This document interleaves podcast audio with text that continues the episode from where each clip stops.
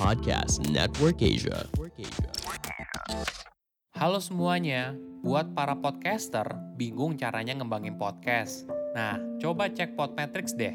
Jadi, Podmetrics adalah platform yang bisa membantu kamu mulai dari ngeliat performa podcast kamu, nentuin berapa harga red cardnya, hingga monetisasi konten dengan merek yang cocok. Bukan cuma itu, Podmetrics juga bisa membantu kamu untuk mendapatkan inspirasi dalam buat iklan dari contoh yang sudah ada. Yang paling terbaru, Podmetrics juga punya fitur Pod Earnings dengan berbagai metode pembayaran. Jadi, memudahkan banget untuk mendapatkan penghasilan dari Podmetrics.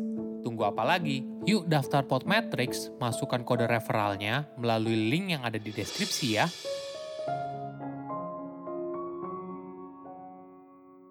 Bisnis yang bertahan lama dibangun di atas dedikasi atas kualitas yang tinggi.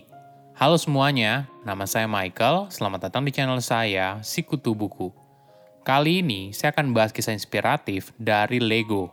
Mayoritas orang mungkin boleh dibilang pernah melihat Lego. Namun di balik sebuah nama perusahaan mainan yang mendunia, ada keluarga tukang kayu sederhana yang punya mimpi besar.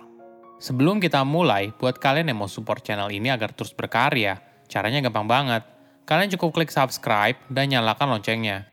Dukungan kalian membantu banget supaya kita bisa rutin posting dan bersama-sama belajar di channel ini. Kisah Lego dimulai di sebuah toko pertukangan kayu Denmark pada masa sebelum adanya listrik. Oleh Kirk Christiansen lahir pada tahun 1981 di Denmark dan merupakan tukang kayu yang handal. Dia dibesarkan dalam keluarga yang sederhana. Walaupun lahir di kota kecil, Ole punya mimpi dan ambisi yang besar. Pada tahun 1916, dia berhasil membuka tokonya sendiri yang memproduksi custom furniture. Usaha ini mampu menghidupi Ole dan istri beserta keempat anaknya. Namun semua berubah pada awal tahun 1930-an. Saat itu, Eropa mengalami krisis ekonomi. Hampir semua industri terdampak, begitu juga dengan Ole. Permintaan untuk konstruksi rumah dan custom furniture menurun drastis akibat kondisi ekonomi yang sulit. Tantangan hidupnya tidak berhenti sampai di situ. Hidupnya semakin berat ketika istri tercintanya meninggal dunia. Oleh harus bekerja keras sekaligus membesarkan keempat putranya. Kondisi ini membuat arah bisnisnya berubah. Oleh mulai fokus buat barang fungsional dari kayu, misalnya tangga, papan setrika, hingga bangku untuk memerah susu sapi. Namun tetap saja, bisnisnya sulit berkembang. Oleh pun mencoba ide lain. Kali ini, dia mencoba untuk membuat mainan kayu dengan kualitas tinggi. Ide dan produknya sangat bagus, cuma Oleh sulit menemukan pasar untuk menjual mainannya. Putranya lalu membantu di toko dan usahanya perlahan mulai meningkat. Mainan kayu yang dibuat Oleh mulai dikenal karena memiliki kualitas yang tinggi. Hingga suatu hari, ada seorang pemilik toko grosir mainan datang dari kota untuk menawarkan kerjasama bisnis. Orang itu sangat kagum atas hasil karya dari Ole dan memesan mainan kayu dalam jumlah banyak untuk persiapan kado Natal. Dia pun sangat senang dan mulai bekerja keras untuk memenuhi pesanan tersebut. Saat mereka sibuk bekerja, tiba-tiba saja Ole mendapat berita buruk. Pemilik toko grosir itu bangkrut dan dia tidak bisa membayar Ole atas semua mainan yang sudah dipesan. Ole pun tidak menyerah, dia lalu keliling kota untuk menawarkan mainannya kepada para pemilik toko Beruntungnya, semua mainannya habis terjual, walaupun Oleh hanya mendapat sedikit uang. Pada tahun 1934, bisnisnya mulai bangkit seiring pertumbuhan ekonomi. Oleh pun mulai berpikir nama bagi perusahaannya. Hingga akhirnya muncul kata Lego, yang berasal dari dua kata Denmark, like dan God, yang diterjemahkan menjadi bermain dengan baik, dan dalam bahasa Latin diterjemahkan berarti saya menyatukannya nama Lego ternyata diterima dengan baik. Ada cerita menarik soal Lego.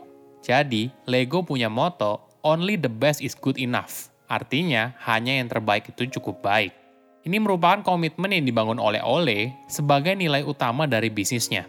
Saat awal Lego berdiri, produk yang paling terkenal adalah bebek kayu yang dibuat dengan standar tertinggi, berasal dari kayu berkualitas dengan tiga lapis pernis. Suatu hari, putranya datang ke Ole dan bilang kalau dirinya menghemat uang perusahaan. Ayahnya bingung dan lalu bertanya apa yang putranya lakukan.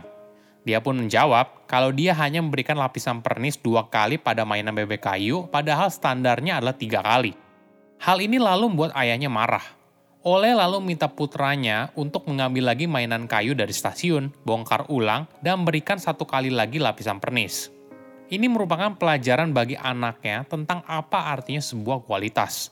Moto ini masih terus digunakan di Lego sebagai pengingat kepada seluruh karyawan betapa pentingnya sebuah kualitas terbaik. Perang Dunia Kedua tidak menghentikan bisnis Lego. Pada dua tahun pertama saat perang, Lego mampu membukukan kenaikan penjualan hingga dua kali lipat namun sayangnya pada tahun 1942, pabrik Lego ludes terbakar. Kejadian ini sangat mengoyak hati Ole dan hampir membuatnya putus asa. Beruntungnya, keluarga dan karyawannya merupakan alasan Ole untuk memulai kembali. Dia menerima sejumlah tawaran untuk membangun pabrik di tempat lain, tapi akhirnya memutuskan untuk tetap di kota kelahirannya, sehingga masih bisa memperkerjakan 15 karyawannya. Dengan bantuan pinjaman bank dan dukungan keluarga dan karyawan, pabrik khusus mainan pertama dibangun di lokasi pabrik pengerjaan kayu tua. Bisnisnya terus berkembang hingga pada tahun berikutnya, perusahaan mempekerjakan 40 orang. Pada tahun 1946, Ole mengunjungi sebuah pameran mesin terbaru. Di sana, dia melihat mesin cetakan plastik. Ole sangat terkesima dengan mesin tersebut, lalu membelinya walaupun harganya mahal. Dia lalu melakukan produksi mainan dalam bentuk plastik. Hingga pada tahun 1949, Lego mulai meluncurkan set bangunan pertamanya, yaitu bata pengikat otomatis. Meskipun produknya sukses, namun ini bukan mainan plastik terlaris Lego. Hingga akhirnya, penjualan meningkat pesat saat Lego mengeluarkan traktor Ferguson pada tahun 1951. Dia punya mimpi kalau mainannya tidak hanya menjadi hadiah Natal, tapi harus bisa dimainkan sepanjang tahun. Pada tahun 1954, Godfred yang merupakan penerus dari bisnis keluarga Lego sedang melakukan perjalanan bisnis ke Inggris. Saat itu, dia sedang berbicara dengan salah satu manajer dari pusat pembelanjaan. Mereka sedang berdiskusi tentang potensi bisnis mainan. Menurut manajer tersebut, bisnis mainan tidak punya sistem, dan itulah yang membuat bisnis itu sulit berkembang. Kalimat ini sangat membekas dalam benak Godfred. Selama ini, anak-anak hanya diberikan mainan yang sudah ada solusinya, Lego perlu menawarkan hal berbeda yang dapat mendorong imajinasi dan kreativitas mereka. Inilah yang mendorong Lego menciptakan Lego System. Sebagai informasi, Lego System adalah cara Lego memastikan kalau batu bata mainan yang dibeli bertahun-tahun yang lalu masih cocok dengan batu bata mainan yang dibeli di masa depan. Lego juga mendorong anak-anak untuk bebas bereksperimen dalam bermain Lego. Misalnya, anak-anak kini bisa membuat kota dari batu bata mainan Lego. Ini merupakan terobosan pada masa itu. Sistem ini sangat populer hingga Lego berhasil ekspor ke Swedia, Jerman, hingga Amerika Serikat. Masalah muncul ketika anak-anak tidak hanya membuat rumah dari batu bata mainan Lego, tapi mereka juga membuat tower yang tinggi dan sebagainya. Batu bata Lego punya masalah yang mudah terlepas apabila dipindahkan ke tempat lain. Inilah yang mendorong Lego untuk terus berinovasi dan berhasil menciptakan teknologi batu bata mainan yang bisa merekat sempurna satu sama lain. Penemuan ini lalu dipatenkan pada tahun 1958 dan menjadi fondasi dari mainan Lego yang kita kenal sekarang. Kesuksesan Lego lalu menarik perhatian banyak orang. Mereka mulai berdatangan dari berbagai belahan dunia untuk mengunjungi kantor pusat Lego di Billund. Agenda utamanya yaitu melihat langsung pabrik Lego, pameran mainan Lego yang sudah jadi, dan sebagainya. Pada pertengahan tahun 1960-an, ada sekitar 20.000 orang mengunjungi pabrik Lego setiap tahunnya. Kondisi ini membuat Gottfried punya ide brilian. Bagaimana bila menggunakan kereta untuk berkeliling dan melihat langsung pameran mainan Lego dari luar ruangan? Inilah yang membuat Lego akhirnya menciptakan Legoland. Pada tahun pertama, jumlah pengunjungnya membludak hingga mencapai 625 ribu orang, padahal target awalnya hanya setengahnya. Saat ini, Lego Group adalah salah satu produsen mainan terbesar di dunia, dengan lebih dari 18.000 karyawan yang tersebar di seluruh dunia. Kualitas terbaik menjadi salah satu alasan perusahaan bisa bertahan di tengah persaingan bisnis yang ketat. Saya undur diri, jangan lupa follow podcast Sikutu Buku. Bye-bye.